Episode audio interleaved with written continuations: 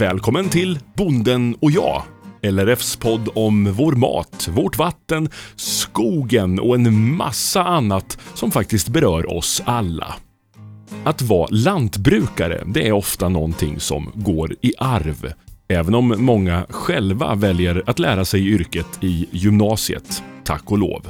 Men om man då är en lantbrukarfamilj, hur pratar man då om generationsskiftet? Kan vara ett ganska känsligt ämne. Och om man är i en annan bransch och vill bli lantbrukare, hur gör man då och vad bör man tänka på? Kerstin En i Kjula, hon har erfarenhet av just det här. Tja! Tja! God dag, god dag! Kul att träffas! Du kommer God dag, jag kommer med mikrofonen här. precis.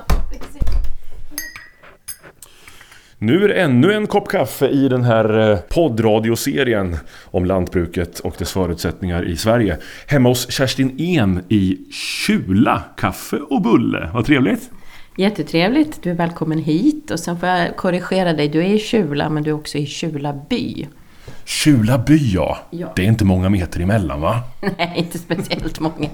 Inte speciellt många, men rätt ska vara Rätt ska vara rätt. Kjula by. Berätta om gården och verksamheten. Det är en spannmålsgård som jag drivit sedan 2002. Började 1998 tillsammans med min pappa. Vi körde tillsammans i några år men sedan 2002 så är jag verksam själv. Det låter som mycket jobb. Ja, periodvis är det ju mycket jobb. När man inte har några djur så blir det ju lite lättare när man kan köra.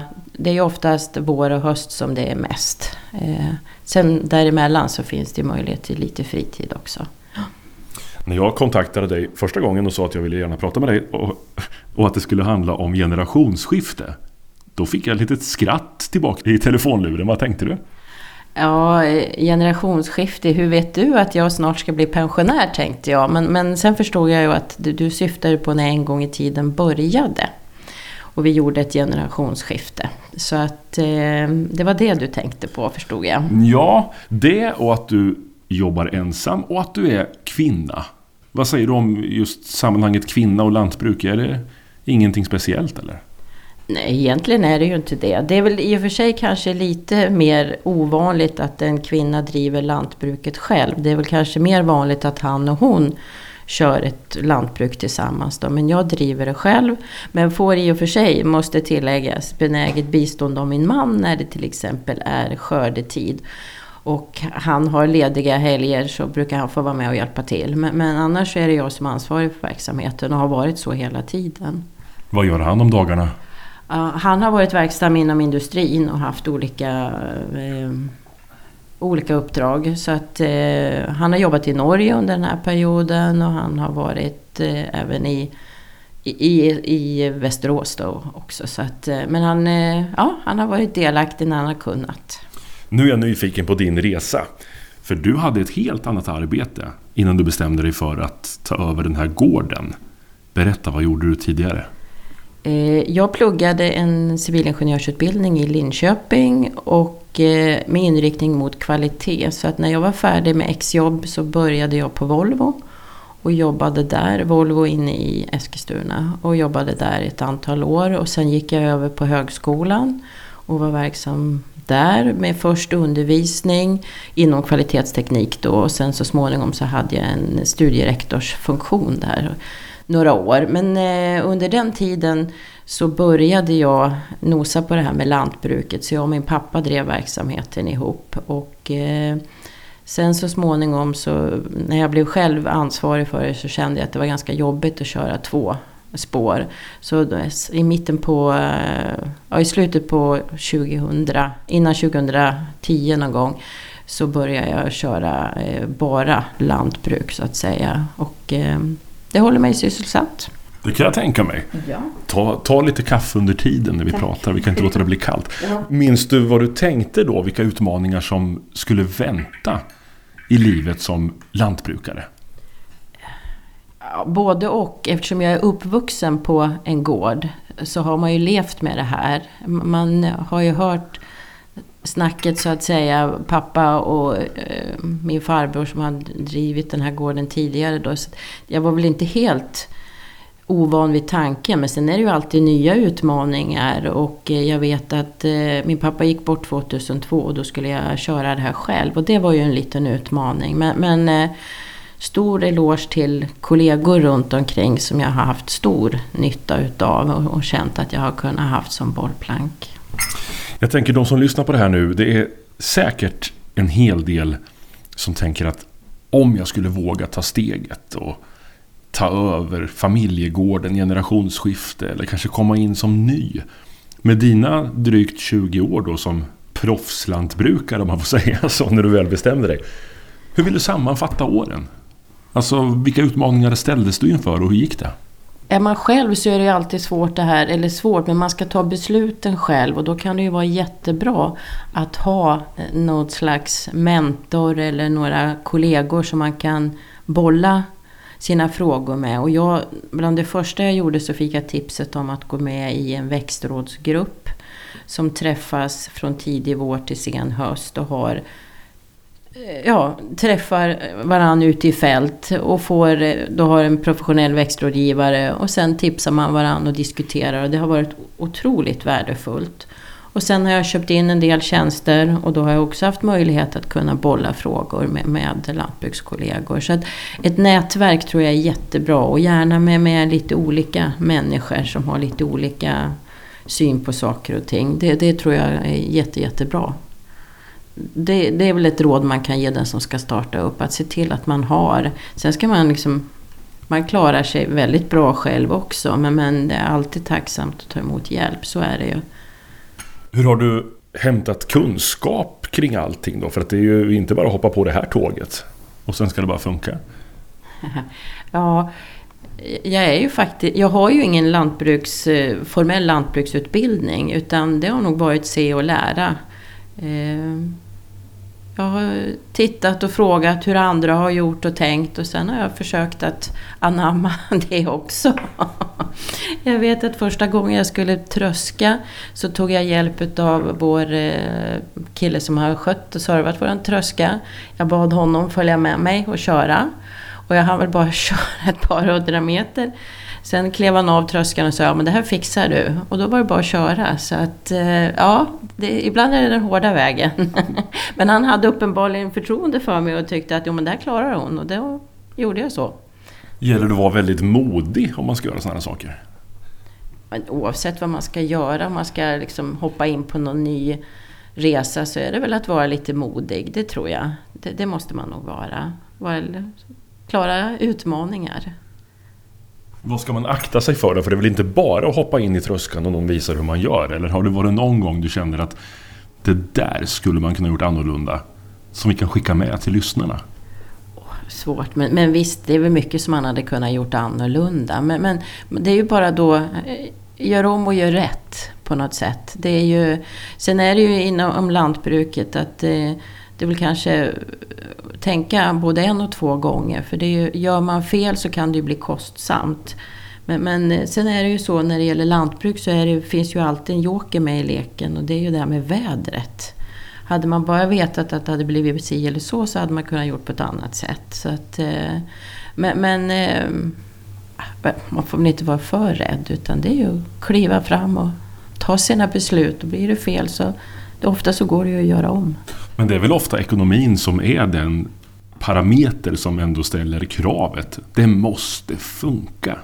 Ja visst, absolut. Det, det, det, så är det ju. Och det ju, finns ju inga stora överskott att ta utav. Så utav den anledningen så är det väl bra att tänka både en och två gånger innan man gör saker och ting. Det, kostar ju idag att driva ett lantbruk och det finns ju inte så mycket marginaler på, på det man gör och det man odlar. Så att eh, du har ju inte så många chanser på dig att göra om. Så är det ju, helt krasst. Det, det är ju ingen lukrativ verksamhet kanske på det sättet. Eller lukrativ, det är fel ord. Eh, ja, det är ju ett gnetande för att få verksamheten att gå ihop, så är det ju. Allt jobb och slit och det här gnetandet. Har det varit värt det? Absolut. Alla dagar i veckan. Ingen tvekan där? Nej, nej faktiskt. Jag skulle Nej, jag, hade, har aldrig ångrat att jag gav mig in på det här. Snarare tvärtom. Ibland kan jag känna att fasen, det kanske var det här jag skulle ha pluggat till från början. Men, men det går inte att ångra sig utan nu är det bara Framrutan är större än bakrutan. Så att eh, titta framåt och kör. Men, men eh, nej, jag har aldrig ångrat mig, det måste jag säga. Och det känns ju rätt skönt, för det var ju ett stort steg att ta när man väl bestämde sig för att... Dels det här att man skulle hoppa in på lantbruksspåret, men sen också när man skulle köra det själv. Eh, det året var väl lite sådär fram och tillbaka, känner jag, kommer jag klara det här då? Men... Eh, nej, jag vet, nej men... men eh, det, så är det. När du svarar så himla snabbt att absolut har varit värt allt slit. Vad är det som har varit bäst då Ulrika? Jag häller upp mer kaffe, absolut. Till dig själv tänkte jag. Men tack så hemskt mycket. Ja, men du pratar om slitet här, att det absolut har varit värt det. Nämn fördelarna då, som väger upp mot väder och att man måste chansa lite och slita och jobba jämt slita och jobba jämt. Ja, visst, det är mycket arbete periodvis. Men du har ju också möjlighet att planera din dag. Du har ju enorma frihetsgrader. Sen när, när det är säsong, du kan ju inte eh, gå och vänta på att det ska bli bättre. Utan det är bara, när, när det väl går att köra, då måste du ju göra det. Men du har ju ändå en möjlighet att lägga upp din planering själv. Få vara ute och kunna följa årstiderna. Det är ju lite speciellt. Lika härligt som det är på våren då att börja harva och så. Lika skönt är det på hösten när man plöjer och liksom får vända upp jorden. Och man känner den där speciella doften och sitta i traktorn. Det är också skönt. Så varje period har ju sin charm, så är det. Så tänker kunden. Här kommer en tjej med en full vagn där du har handlat idag. Ja. Tänker du någonting på hur alla varor, alla matvaror hamnar här? Hur de har producerats och villkor och sådär? Ja, det gör jag. Försöker tänka lite ekologiskt och eh, gärna svenskt. Du försöker tänka så. Hur går ja. det? Det går lite upp och ner. Jag är glutenintolerant också så det är lite svårare då när man måste tänka på det också. Men jag försöker. På vilket sätt är det svårare? Eh, det kanske inte är lika lätt eh, utbud där ekologiskt och eh, närproducerat. Så därför blir det lite svårare och det är lite begränsat utbud också. Vad får det bli istället då? då? Ja, då går man kanske på priset och tar det som man får mest för så att säga. Av någon anledning så, jag vet inte varför det är så, du får säga emot mig ifall du tycker att jag har fel nu. Men man delar ofta upp män och kvinnor i olika yrkeskategorier på något sätt. Vad säger du om den tankeställningen först då? Kopplat till lantbruket. Jag har aldrig upplevt någon sån uppdelning om man säger bland mina kollegor. Så där har det liksom aldrig varit någon skillnad kan jag tycka. Så har jag upplevt det. Sen är det möjligt att de kanske har sett på mig på ett annat sätt. Men jag har aldrig upplevt det. Men däremot om man säger människor som inte är i skråt har ju eh, när man säger att man är lantbrukare, då, då brukar man få, trak, eller få frågan Åh, kör du traktor? Och då känner man Ja, det gör jag faktiskt. Men, men, så det är snarare liksom omvärlden som kan tycka att, har en förutfattad mening om att det är mer män som jobbar med lantbruk. Men, men jag tror inom skrået så det är ju många tjejer, kvinnor som jobbar med det här. Så det, det tror jag. Jag tror inte att det är någon uppdelningen eller att man ser olika på, på kvinnor och män. Det tror jag inte. Jag ska låta dig dricka lite kaffe också när du är helt upp här. Jag bara ställer fråga efter fråga till dig. Jag tar lite bulle också. Gör det, gör mm. det. Varsågod. Men med drygt 20 års erfarenhet av att vara egen lantbrukare, ensam själv ansvarig. Om du kollar på utvecklingen och hur mycket du har fått lära nytt hela tiden, anpassa dig, hänga med i tidens tand. Vad tänker du på då? Jag vet inte om jag är rätt person att hänga med i utvecklingen. Men jag, jag har ju under årens lopp eh, köpt tjänster. Eh, har man inte så stort lantbruk så kanske man inte alltid kan vara med på den senaste tekniken. Men, men jag ser ju mina kollegor som har större verksamheter. Det har ju hänt jättemycket. När, när du sprider gödning så finns det ensensorer som känner av hur, hur du ska sprida eh, för att optimera resultatet. Och eh, det är ju samma sak med växtskyddet när, när du sprutar idag så har du också möjlighet att anpassa efter vad, som verkligen behövs istället för att som kanske när jag började och fick med mig att då beställde man in på ett värde och så körde man på det. Idag är det ju en helt annan dynamik i, i, i eh, när det gäller sådana saker och ha möjlighet att ja, göra det på ett smartare och på ett miljöbättre sätt. Men hur har det varit om, om man är mindre som du är och ensam och köper in tjänsterna för att du kanske inte har råd att investera? Det är ju en utgift hela tiden då eller? Eh, jo, det är det ju. Men å andra sidan, oftast har det ju blivit så att eh, maskinerna blir större och mer effektiva. Och, och eh, jag tror ändå, visst det har ju kostat pengar och förmodligen kostat lite mer pengar. Men har jag möjlighet att välja då att köra på mitt gamla sätt eller välja att köpa in tjänster som är nyare och modernare så tror jag ju ändå att jag har tjänat på det. Och framförallt om man tittar på växtskyddet idag med, med en modern... Det är ju mycket mer Besparande och, och även bättre ur miljöhänseende att göra sådana här saker. Och, och ja, tillbaka till din fråga. Visst, det kostar mer pengar men, men eh, jag kanske trots allt sparar eh, pengar i slutändan. I, i, ja, jag tror det. Men är det en fördel att vara liten då? För många jag har pratat med tycker att man måste upp i volym på allting. Det måste bli större, mer effektivt. Allt handlar om timmar och pengar. Eh, jo men så är det ju. Så är det ju att eh, du, du har ju stordriftsfördelar, så är det ju. Men, men, eh, på något sätt, det har inte riktigt varit läge att växla upp. Och, det har, så att det, då, och då måste man ju på något sätt försöka utifrån de förutsättningarna man har. Men, men så är det ju. Tittar jag under de här åren som jag har varit verksam så ser man ju tyvärr det försvinner ett antal lantbrukare och de som blir kvar blir större. Och ja, det är ju tidens tand. Det går åt det hållet. Mm. Så är det ju. Hur har du mött den effekten då? Hur har du klarat dig? Hur tänker du då? Ja, du är inte jättestor. Du har överlevt ändå? Ja, jag har överlevt ändå. Men, men det ska väl också sägas då att vi, vi i vår familj här så har vi haft en eh, till lön som kommit in. Så att eh, det är ju skillnad idag eh, om man ska försörja en familj på det här lantbruket. Det hade ju aldrig funkat. Utan det, verksamheten går runt, det finns utrymme för lite investeringar och ta ut en del lön men, men, inte fullt ut, så är det ju. Men då hade man ju eh, kanske istället taktat upp och, och eh, sålt tjänster. Man kanske hade varit med i, i, i samband med när det är hö, kunna vara med och, och köra och göra, ta in, vad säger man, jobba åt andra och köra. Och likaså på vintern kanske vara med och köra snö eller några sådana saker. Så att eh, det finns ju möjlighet att, att eh, göra andra saker runt omkring också. Nu har inte jag valt att göra det utan eh, men, men det är ju en möjlighet för att få om möjligt bättre lönsamhet. Mm. Ja, är det ditt råd eller vad vill du säga till de som lyssnar på det här nu och vill ge sig in i den här branschen? kanske står inför ett generationsskifte och ta över familjegården eller komma utifrån och starta nytt.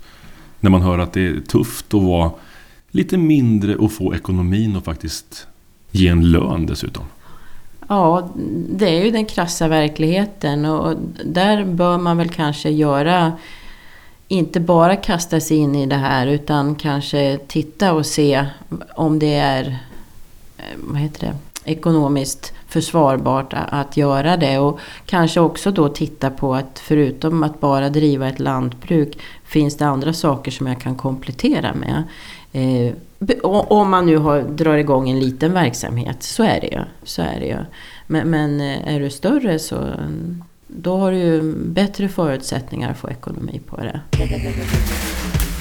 Så tänker kunden. Hur mycket bryr dig du om de här varorna, var de kommer ifrån och hur det har producerats och miljön och så? Ja, jag vet inte vad jag ska svara på det riktigt. Jag köper det som finns. Du köper det som finns? Ja, men, ja. Fanns det något idag då? Ja, då, ja det fanns.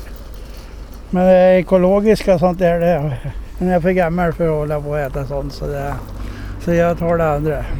Kan man bli för gammal för det alltså? Ja, men jag är snart pensionär. Ja, vad händer om man börjar äta ekologiskt och så då? då? Nej, jag har varit pensionär i tio år. Ja. Vad händer då om du skulle börja tänka på var grejerna kommer ifrån och äta anpassat då? Nej, det är för sent. Bara det smakar bra som. Hur ser du på framtiden nu då? Lantbruket, du har tagit över och jobbat i drygt 20 år. Vem ska ta över och vad kommer hända med det här och vad har du för tankar? Ja, eh, jag har väl börjat tänka på någon slags generationsväxling men riktigt hur den ska se ut det, det har jag inte kommit fram till. Men, men, det är ju svårt idag. Jag tror, vi har två döttrar och jag tror inte att någon av dem är intresserad att fortsätta som lantbrukare. Och då är frågan, ja, vad, vad gör vi då? Ja, för det där är ju intressant och lite jobbigt att prata om också kanske. Vad tror du de har känt? Nu är inte de här och kan berätta det själva, men har ni lagt någon typ av tanke på dem att det ska vara så att man tar över eller är de fria att göra vad de vill? De är absolut fria att göra vad de vill. Det har aldrig varit eh, något krav från vår sida utan de, de har bestämt själva. Och eh, man vet ju aldrig, de kan ju komma på andra tankar men idag utbildar de sig inom helt andra yrken. Så jag tror inte att det är aktuellt. Sen kan man ju kanske tänka sig att de vill bo på en gård, det är möjligt. Men därifrån till att sköta ett lantbruk, det är jag inte lika säker på att de är intresserade utav. Men, men eh, ja, det är väl diskussioner vi får ta mm. framöver. Hur känns det för dig då? Pappa var här och jobbade. Är det ännu längre tillbaka i släkten eller? Ja, farfar och farfars far. Så det finns ju en viss tryck på generationer, sen generationer tillbaka. Men det tror jag att var sak har sin tid och nu är nu. Så att eh, jag känner inte att eh, till varje pris, och jag vill definitivt inte lägga bördan, den bördan på deras axlar att de måste. Det, det tycker inte jag, utan de ska göra det de känner för. Så vad tänker du då om du blir den sista som driver detta i er familj? Hur känns det? Ja, det har jag... Så långt har jag kanske inte tänkt ännu, men, men det är mycket möjligt att det blir så. Ja, då är det så. Då förhoppningsvis kan någon annan fortsätta och ta vid, även om de inte kommer från samma släkt, utan att det är någon annan som fortsätter. Det, så är det ju. Det har hänt förr och det kommer att hända framåt också. Sen tror jag det här med generationsväxlingar, det är något som vi inom lantbruksgråt är väldigt dåliga på. De sker väldigt, väldigt sent. Ehm, jag tror att man eh, det är jobbiga frågor att ta tag i. Väldigt jobbiga frågor och speciellt när man kanske är flera barn och alla är inte är intresserade av lantbruk och hur man ska komma till ett bra beslut. Det är inte helt lätt. Vad är problemet där? Att det sker för sent? Vad beror det på? Ja, men det är en svår fråga att ta tag i. Eh. Man går och väntar för länge med att ta det med sina barn? Ja, ja jag tror det. Jag tror det att det är så. Jag hör och har kollegor där jag vet att det är så. Man, man lyfter frågan lite för sent. Eller lyfter den inte alls och sen i värsta fall kan det ju bli så att det inte blir någon generationsväxling utan det sker, ett, det sker en försäljning istället. Då. Men det, det är jättesvåra frågor. Och, eh, jag vet att eh, till exempel LRF jobbar med det här med generationsväxlingar och har kurser och möten och så vidare. Och försöker få, få belysa frågan i alla fall. Sen är det ju upp till var och en att att ta de här diskussionerna. Men jag tror att det är svårt och jag vet inte riktigt varför. Nej, vad är det som är så känsligt tror du? Vad ligger bakom det här? Det, det kanske är det här trycket eh, om det är så att gården har gått i arv eh, flera generationer tillbaka. Och är det syskon? Vem ska ta vid? Och ska de andra kompenseras på något sätt? Det är ju stora frågor. Framförallt är det mycket pengar inblandade. Det är ju så. Även om inte lantbruken är så stora så blir det ju värden i alla fall. Hur gjorde du och din pappa? Ja, eh, eh, vi gjorde en generationsväxling. Jag har en syster också. Men eh, det kändes bra för, för, eh, pappa och mamma berättade hur de ville ha det och sen hade vi att ta ställning till det. Och eh, vi köpte gården. Min syster och sa också då att hon var inte intresserad utav att, att fortsätta. Så det, det, jag tror pappa och mamma gick länge och väntade. Men, men eh, när de fick klart för sig hur de skulle göra och att det, det kändes bra för oss båda, då det, det gick bra. För att när du sa att du skulle plugga och gå en annan väg, Ja. som du gjorde. Ja. Hur kändes det för dig att berätta det? Det var ju så att jag hade tankar om, när jag hade läst eh, på gymnasiet, så hade jag tankar om att söka agronomutbildning. Men då tyckte min pappa att ja, men lantbrukare kan du alltid bli, sa han. Så läs någon annan utbildning. Och ja, då blev det så att jag pluggade en annan utbildning. Men idag så kanske jag inte skulle ha lyssnat så mycket på honom utan kört mitt eget race då. Men, men ja, ja, det går inte att titta i backspegeln. Nej, men när du, när du ändå jobbade på Volvo och tog den svängen. Ja, men- Minns du vad de tänkte då? Eller vad du, när du berättade att du ska göra någonting annat? Ja, och jag har aldrig, eh, de har aldrig lagt någon liksom börda på mina axlar och sagt att jo, men nu måste du ta vid här och börja. Utan det var ju snarare att jag kom och sa att jag skulle tycka det här var kul att fortsätta. Så att, eh, nej det har jag aldrig känt. Det tror jag inte. Utan det, det var mitt eget val. Och dina döttrar sen? Hur pratade ni om det här? Nu är det självklart att de gör någonting annat, men hur var det samtalet eller de tankarna i deras uppväxt? Då? Ja, de, de har, ja det, det blev ju lite eh, på samma sätt som för mig då. Att, att eh, de har ju levt med det här med att vara lantbrukare. De vet hur, hur det är. att i, I april, maj då kan vi aldrig boka in någonting för då ska mamma så. Eller i augusti, september då kan vi heller inte boka något i förväg för då ska mamma tröska. Så att eh, ja, de är ju uppväxta med det och eh, när de valde sina utbildningar så hade de varit intresserade och sagt att jag vill gå på Vreta, jag vill gå på Ultuna eller vad man nu kan tänka sig. Så hade jag visst, jag hade stöttat dem i de besluten men, jag stöttar dem också i de här besluten. Så Mm. att det, det är deras val. Var du tydlig med det från början? Gör vad ni vill, eller fick de komma och knacka på och berätta att vi vill göra någonting annat? Ja, men det tror jag, det, det låg liksom i uppfostran. Att, eller i, i vårat... De gör vad de vill. Nästan i alla fall. ja, nej, men det, det, det har varit fritt hela tiden. Och de såg eh, vad, vad jag hade gjort innan och vad Roger, pappa, hade gjort. Så att eh, det var inga... De hade sina... Vi stöttade ju de besluten de tog. Tror du att det är vanligt att man har den relationen när man är en lantbrukarfamilj? Eller skiljer ni er åt lite här? Nej, det tror jag inte. Om det är svårt att prata om och det kommer för sent, generationsväxlingen och allt det där.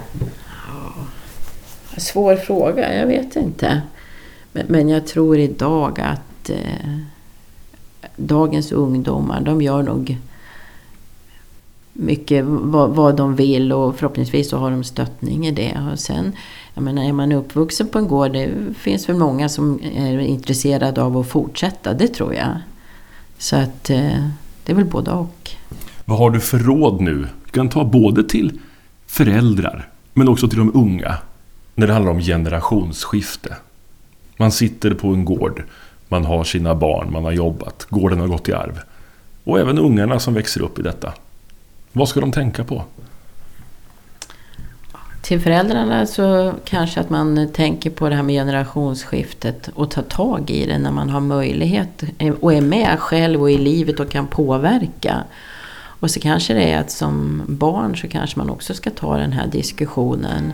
Eh, är det någon som är intresserad av att fortsätta och hur ska vi gå vidare? Och där kanske man måste mötas från två håll så att säga. Att, eh, och, så att man kan öppna upp för frågan i alla fall. Jag tror det.